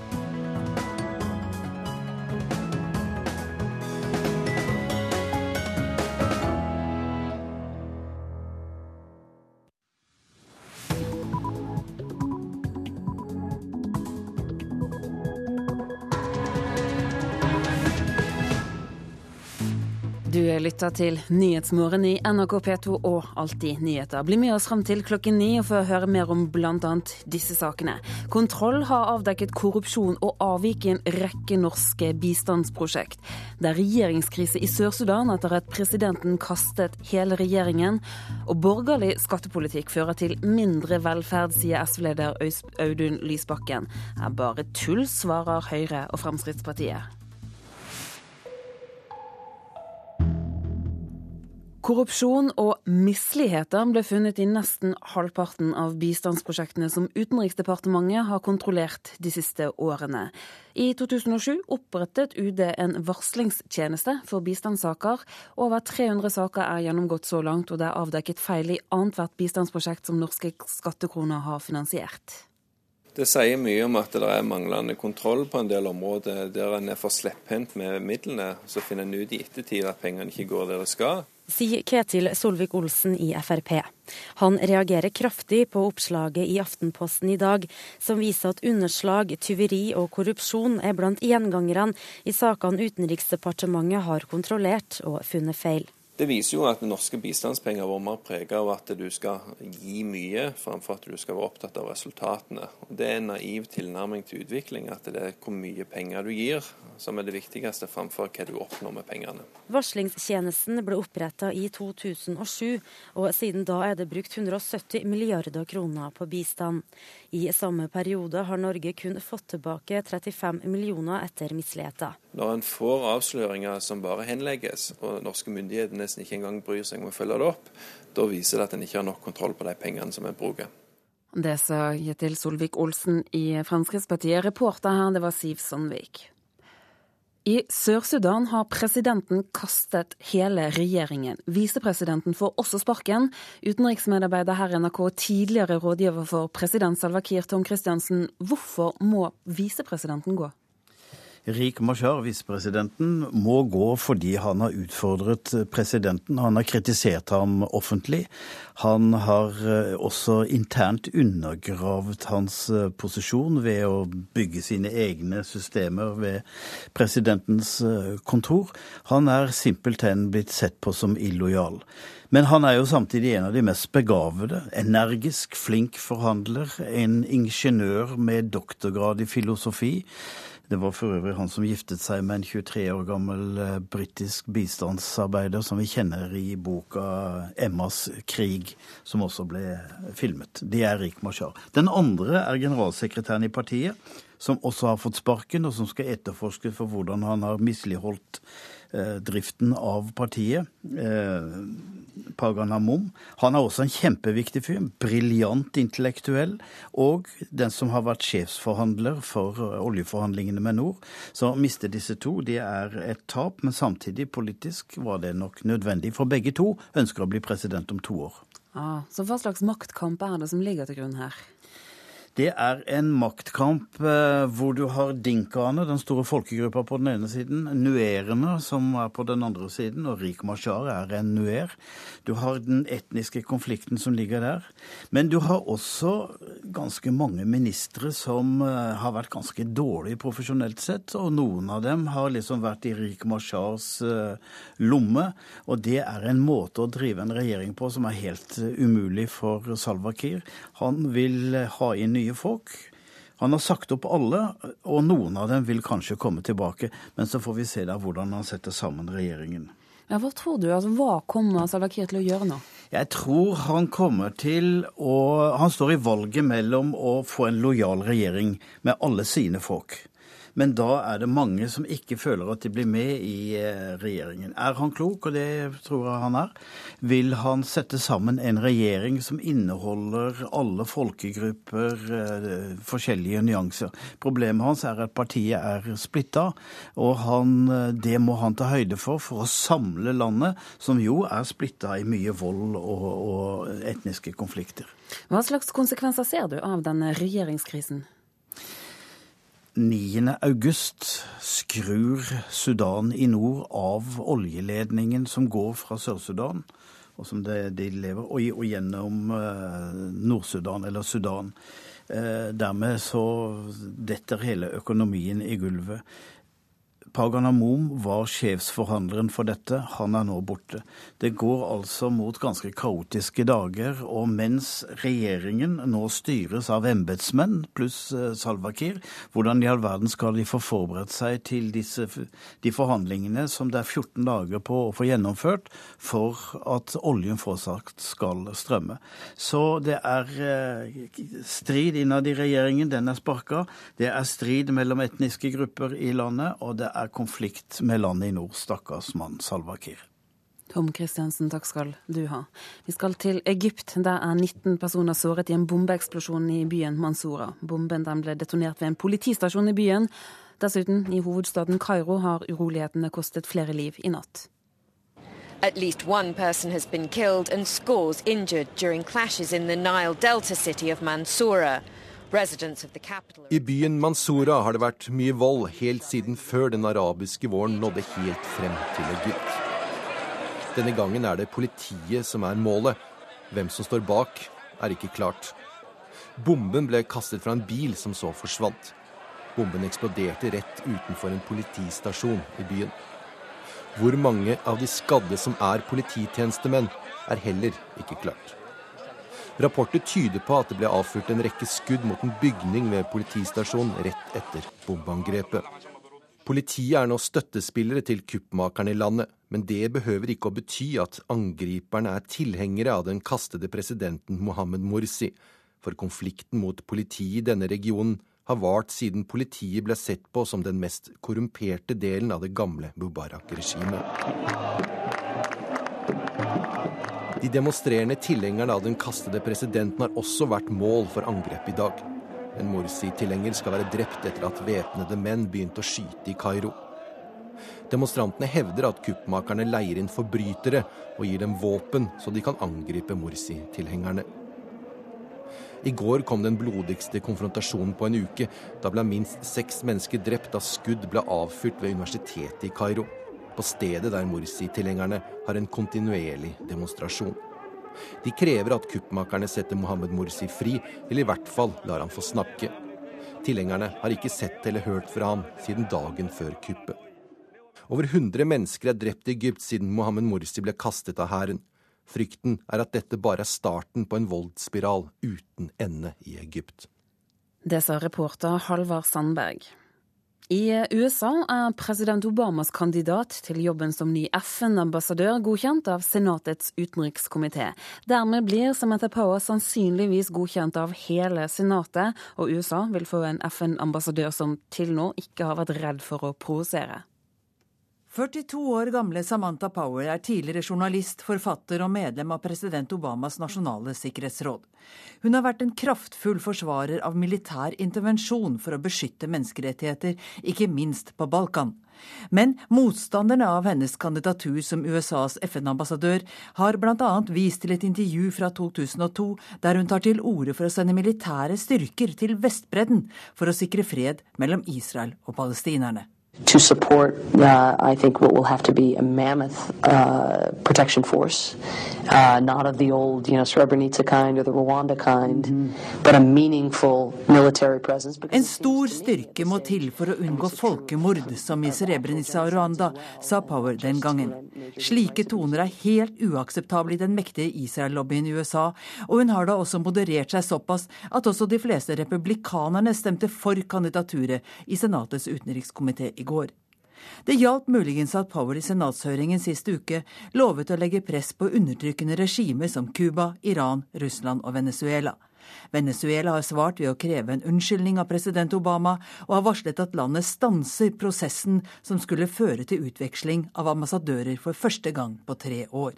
Samantha Power er irsk og kom til USA som niåring, og da hun takket presidenten for nominasjonen, la hun stor vekt på USAs lederansvar i verden generelt, og i FN spesielt. As the most powerful and inspiring country on this earth, we have a critical role to play in insisting that the institution meet the necessities of our time. It can do so only with American leadership. Og reporter her var eh, Gro Holm. Og vi skal holde oss i USA, for eh, nå sier borgermesterkandidaten Anthony Weiner at han ikke vil trekke seg fra valget i New York, til tross for at han er involvert i en ny sexskandale. Weiner, som er demokrat, måtte i 2011 trekke seg fra Kongressen etter at det kom frem at han hadde sendt tekstmeldinger med bilder av seg selv i undertøyet til en ung kvinne. Nå innrømmer han at han igjen har sendt uanstendige bilder og meldinger til en ung kvinne på Facebook etter at han trakk seg fra Kongressen. Og for andre gang har konen hans stilt opp foran et stort pressekorps og sagt at hun tilgir ham. Weiner ligger godt an til å bli demokratenes kandidat ved valget til borgermester neste senere i år, når Michael Bloomberg gir seg. Og Du lytter til Nyhetsmorgen. Klokken den nærmer seg 8.44. Dette er noen av hovedsakene i dag. Kontroll har avdekket korrupsjon og avvik i nesten halvparten av de kontrollerte norske bistandsprosjektene. Det er politisk splittelse i Sør-Sudan. Presidenten har kastet hele regjeringen. Og Bli med oss videre i sendingen og hør at tusenvis av husdyr gis bort i sommerferien. Problemet har eskalert, mener Dyrebeskyttelsen.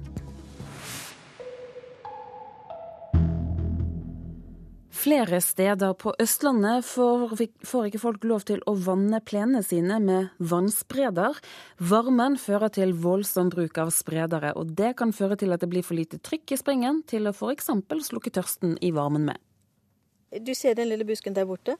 Da jeg først hadde plantet det og tenkte at nå får den bare litt vann, men jeg skjønte at den bare hang etter en ukes tid, og da måtte jeg sette på en spreder for å få den til å trives. Marjorie viser fram blomster og busker som strutter av velvære og en frodig grønn plen i hagen sin i Oslo. I min egen hage nå har jeg brukt en liten spreder hver dag.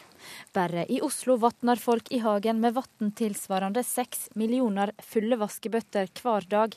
Her har kommunen sagt at de kanskje må sette foten ned dersom folk ikke bruker sprayeren mindre. Men noen andre steder på Østlandet er det ikke lov å vatne med sprayer nå, som i Fredrikstad. Det er så varmt at veldig mange, hvis veldig mange setter på spredere og lar det stå, så vil vanntrykket synke i de høyereliggende områdene i Fredrikstad. Så Det er grunnen til at vi har innført det.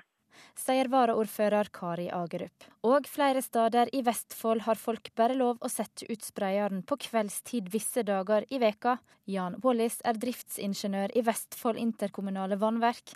Han ser ikke vekk ifra at noen vatner mer enn de skal, og forteller at noen rett og slett ringer inn og sladrer litt på naboen. Det skjer, ja. Han sier at kommunen faktisk kan plombere vannkrana på husveggen til folk dersom noen er veldig uskikkelige. Jeg vet ikke om noen har gjort noen gang, men eh, skal jo overholde restriksjonene. At Det går utover alle andre. Det som skjer, det er at når alle bruker vann på samme tid, så vil det ikke være trygt nok. Ifølge statsmeteorolog Rafael Escobar Løvdahl er det meldt ganske varmt vær på Østlandet de neste dagene òg. Værsituasjonen blir litt eh, endret enn den har vært eh, frem til nå. Men for de fleste praktiske formål så vil nok være oppleves som ganske bra fortsatt. Det er en økende mulighet for ettermiddagsbyger. og litt som varierende skydekke vil det nok være tiden fremover. Men eh, stort sett eh, ganske mye bra vær, altså. Så da spørs det om kanskje du eller Marjorie i Oslo må begynne å vatne i hagen med kanne. Og det er tungt. En vannkanne, min vannkanne veier omtrent 15 eh, kilo. Man blir veldig sterk i armene, hva? Reportere her var Eirin Årdal og Jan Gulliksen. Det er fullt mulig å spare flere milliarder kroner ved å effektivisere byråkratiet. Det mener Fremskrittspartiet og Høyre, og de lover betydelige skattelettelser dersom de vinner valget. Men SV-leder Audun Lysbakken tror de borgerliges skattepolitikk kommer til å føre til mindre velferd hvis du kutter med mellom 25 og 50 milliarder, så blir det en enorm politisk oppgave å dekke inn de pengene. Det vil bety store velferdskutt. Alle som har vært med på å lage et statsbudsjett, vet at dette er enorme summer som du ikke vil ha noen mulighet til å dekke inn. I Politisk kvarter tidligere i morges møtte Lysbakken Nikolai Astrup fra Høyre og Ketil Solvik-Olsen Fremskrittspartiet. Både Solvik-Olsen og Astrup mener Lysbakkens påstander er feil. Nei, For det første så har vi vist gjennom våre alternative statsbudsjett at du gjennom omprioritering på statsbudsjettet kan både øke satsingen på helse, eldre og utdanning, samtidig som du gjennom redusert byråkrati og tar vekk en del oppgaver som ikke har noe med velferd å gjøre, kan gi skattelettelser som gjør at folk flest har mer penger som gjør at de faktisk kan kjøpe sin egen velferd og styre over sin egen lomme. Astrup, Forestillingen om at uh, hvis vi reduserer skattene noe, så raserer vi velferdsstaten, det bygger jo på en fundamental misforståelse. I tillegg til det Solvik-Olsen sier om at uh, her er det også et potensial for å få mer ut av pengene i offentlig sektor, så uh, er det også sånn at vi må bake kaken større dersom vi skal få mulighet til å styrke velferden. Bør ikke dere to, da, du og Solvik-Olsen, avklare hva dere egentlig skal kutte i skatt? For det er jo veldig stor forskjell på de løftene dere kommer med. Ja, men Det viktige her er jo retningen. Altså, Hvis de borgerlige vinner valget, så vil det bli lavere skatt. Hvis de rød-grønne vinner valget, så er det ingen tvil om at det blir høyere skatter. Det er det eh, som er realiteten. Jeg mener det er viktig å gå til velgerne med ærlige alternativer. Når Høyre og Fremskrittspartiet prøver å få det til å se ut som om store skattekutt egentlig ikke er et prioriteringsspørsmål, så fører de folk bak lyset. Gjennomfører du store skattekutt, så har du mindre penger å bruke på skole og helse og eldreomsorg. Og sånn er det. Det er ikke sånn at du har en sånn uh, magisk effekt som gjør at disse skattelettene eh, blir erstattet av, av eh, høye inntekter til velferd. Det blir mindre penger til velferd. Og det er en ærlig sak, men da må Høyre og Frp være ærlige på at det er sånn de prioriterer. Og vi ser jo at Høyre sine eneste konkrete valgløfter i denne valgkampen, det er skattekutt. Nei, det er Mens det ikke er et eneste konkret løfte Nå, når det gjelder skole, helse og eldreomsorg. Jo, det er fordi de ikke kommer til å ha penger til det. Ærlig talt, Lysbakken, fordi at vi har gitt masse løfter når det gjelder helse, skole ja, sa jeg Høyre. Ja, men, ja, men, men, dere bruker ja, oljepenger ja, samtidig, så det nei, er ikke så rart. Ja. La Solvik-Olsen få svare nå. Fordi at Vi har gitt en masse løfter på helse. og Det handler om å bedre organisering i helsevesenet, som gjør at leger og sykepleiere kan jobbe mer effektivt i en bedre bygningsmasse. Da kan de òg produsere mer. Det samme gjelder skole, det samme gjelder eldreomsorg. Så ikke snakk om at det er bare skatt. Men skatt er viktig. Men det er ikke sånn at velferd først skapes den dagen det offentlige får hånd om pengene dine. Det er mange folk som gjennom de pengene de bruker selv, skaper sin egen velferd.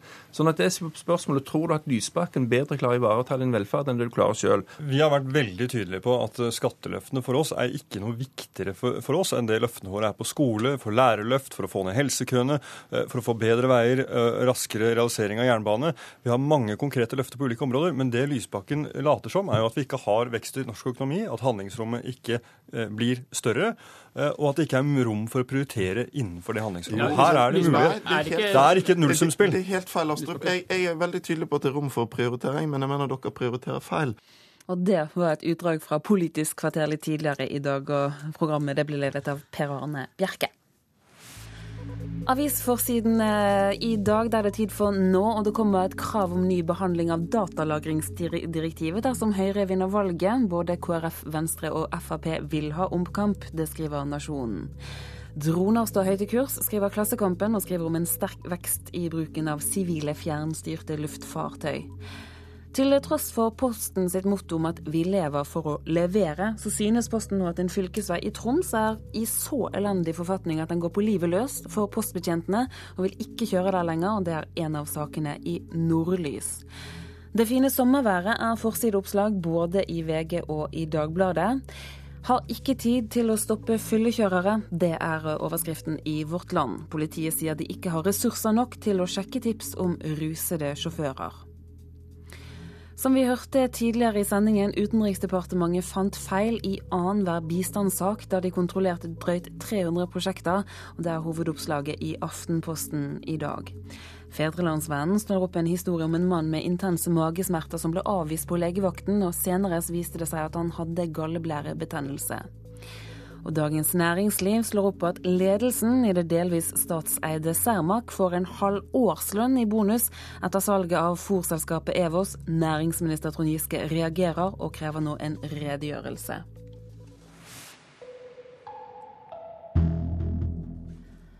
I løpet av sommeren forsøker nordmenn å kvitte seg med tusenvis av husdyr. Rogaland topper statistikken. Katter, hunder og kaniner gis bort i hopetall. Bare på finn.no har dyreeiere i Rogaland forsøkt å gi bort flere hundre kattunger i løpet av sommer sommermånedene. Pass, pass. Pass, pass. Vi trenger en eh, fem til tiårsperiode på å få sterilisert og kastrert det der er av katter, og det bør betales av staten, og ikke av frivillige organisasjoner som må tigge og be for å få penger. Uønskede katter er et problem i norske hjem på sommeren. På finn.no forsøker mange katteeiere å kvitte seg med dem. De gis bort i hundretalls, men det er ikke like lett å kvitte seg med dem. Det vet Kari Mills i Dyrebeskyttelsen i Sør-Rogaland alt om. Jeg er sjokkert over at dette eskalerer fra år til år med dumping av kattunger og voksne katter, til og med rasekatter. Bare i Rogaland fant NRK 250 katter på finn.no som eiere forsøker å gi bort gratis nå i sommer. De aller fleste er kattunger. I tillegg ønsker mange også av en eller annen grunn å kvitte seg med hunder, undulater, kaniner, fisker, høner, haner, rotter og marsvin. Det har blitt verre og verre de senere årene, mener Mills. Det begynte å eskalere fra år 2000. Dyr har mindre verdi. Det er lett å skaffe seg en katt og det er lett å bli kvitt den. Når de ikke blir øh, omplassert til den første og beste, så da igjen går lei av dem når det passer, så ender de som regel på gata eller i ei eske eller i et bur en plass. Og så er det jo opp til den eventuelle finner. De aller fleste bryr seg jo veldig om katten sin og, og kommer for å få han kastrert og sterilisert. Men det koster jo lite grann. Sånn at det uh, kan ha litt med økonomi å gjøre. Ved Smådyrklinikken i Stavanger steriliserer og kastrerer veterinær Linda Eriksen og hennes kolleger mange katter i løpet av året. Det burde ha vært langt flere. Villkattene som nå er blitt et stort problem i byen, har sitt utspring fra katter med eiere som lar være å kastrere og sterilisere dyrene sine, for å hindre avkom man ikke ønsker. Vi ser det jo ikke så veldig godt her, for eh, her så kommer jo stort sett kattene inn med eieren sin. Men eh, vi vet jo at det fins, og vi vet at Dyrebeskyttelsen har veldig mange katter å ta vare på. Uh, og at det er et stort villkattproblem i området, det vet vi. De vil ikke avlive dem, for det koster penger. De vil ikke sterilisere og kastrere å merke, for det koster penger. Sier Kari Mills i Dyrebeskyttelsen. Det er for mange som ikke bryr seg og tenker på konsekvensene, mener hun. Dette har jo jeg tygd på i over 20 år. Eh, nærmere 25 for å være helt korrekt. Men det, er, det hjelper jo ikke om jeg står og tygger på dette her. Steriliser katten, kastrer katten, merk katten. Vi hadde det jo til og med oppe i katteutvalget og la frem for Landbruksdepartementet og Mattilsynet og politikere, men de lo jo av det. For det var faktisk å gripe for mye inn i folk sitt privatliv. Men det er ingen som tenker på privatlivet til frivillige organisasjoner, for de kan bare ta det. Jeg mener det skulle være tvungen sterilisering og kastrering og ID-merking. Ingen burde fått gått ut av et veterinærkontor før det ble gjort. For du kan si veterinærene de, de har det for egentlig for så vidt greit i, for de ser folk som tar vare på dyrene sine. Vi ser baksiden. Reporter i denne saken, det var Ståle fra fjor. Jaisuma Saididen Dure vant 100-meterfinalen under et Grand Prix-stevne i Karlstad i går. I regnvær og motvind i Sverige slet Dure seg først i mål av konkurrentene, men var ikke særlig fornøyd etter løpet. Det var jo dårlig vær, så jeg risikerer ikke for å bli skadet eller noen ting, så jeg måtte bare trene. Ta det som trening. Vinnerløpet på 10,50 kunne definitivt minne om en treningstur. Tiden er langt unna hans personlige årsbeste på 10,07, som ble satt i Luzern forrige uke.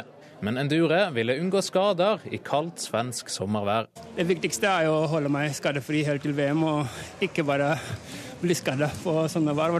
Dure følte værgudene hadde spilt han et lite puss. Det var akkurat derfor jeg kom hit, fordi det var jo sånn meldt fint vær og fine forhold og sånn. Så, men uh, til slutt så blir det ikke. Et annet norsk medaljehåp, Sinne Parebo, var også i aksjon i går. Norges sprintdronning vant damenes 100 meter på tiden 11,58 og syntes det var helt greit. For meg så er alt nå trening frem til VM. Eh, jeg er selvfølgelig fornøyd med seieren i dag. Det, det, lover bra. Eh, det var selvfølgelig tekniske justeringer som jeg tenkte på underveis, og det er bra. Reporter her, det var Olav Havdal Tangenes. Vi skal ta med et værvarsel vi som gjelder frem til midnatt, og det er meldt mye pent vær i Norge i dag. Sørstadfjellet i Sør-Norge får det meste pent vær, men kanskje spredte ettermiddagsbyger. Østlandet får enkelte regnbyger sør for Oslo, kan hende med torden, men ellers stort sett oppholdsvær og perioder med sol. Telemark her blir det utrygt for enkelte regnbyger, men det blir også perioder med sol. Agder får oppholdsvær og lange perioder med sol. Vestlandet sør for Stad i indre strøk lokale ettermiddagsbyger kan hende med torden, ellers pent vær, men utrygt for tåkeskyer på kysten lengst nord. Møre og Romsdal og Trøndelag utrygt for tåkeskyer på kysten, men ellers pent vær. Nordland periodevis skyet og lokal tåke i Lofoten og Vesterålen, men ellers pent vær. Troms får lettskyet pent vær, lokal tåke eller lave tåkeskyer i ytre strøk først på dagen. Finnmark får for det meste pent vær, først på dagen lokal tåke eller lave tåkeskyer i vestlige kyststrøk. Og på Spitsbergen så blir det stort sett oppholdsvær. Temperaturene viser at det var sju grader på Svalbard lufthavn klokken sju i dag morges. Kirkenes hadde 14 grader, Vardø 11, Alta 15, Tromsø 10, Bodø 15 grader, Brønnøysund 21 grader. Trondheim 14 grader, det var det også i Molde. Bergen hadde 15 grader, Kristiansand 13, Gardermoen 15, Lillehammer 13, Røros 8 grader og Oslo-Blindern hadde 15 grader klokken 7 i dag morges. Og så nevner vi også fra spesial, som spesialvarsel at det nå er lokalt stor skogbrannfare østafjells. Du lytter til Nyhetsmorgen i NRK P2 og Alltid nyheter. Vi skal straks takke for oss. Ansvarlig for sendingene i dag var Anne Skårseth. Produsent for Nyhetsmorgen Tonje Grimstad. Teknisk ansvarlig Hilde Tosterud. Og her i studio Turi Grønbekk.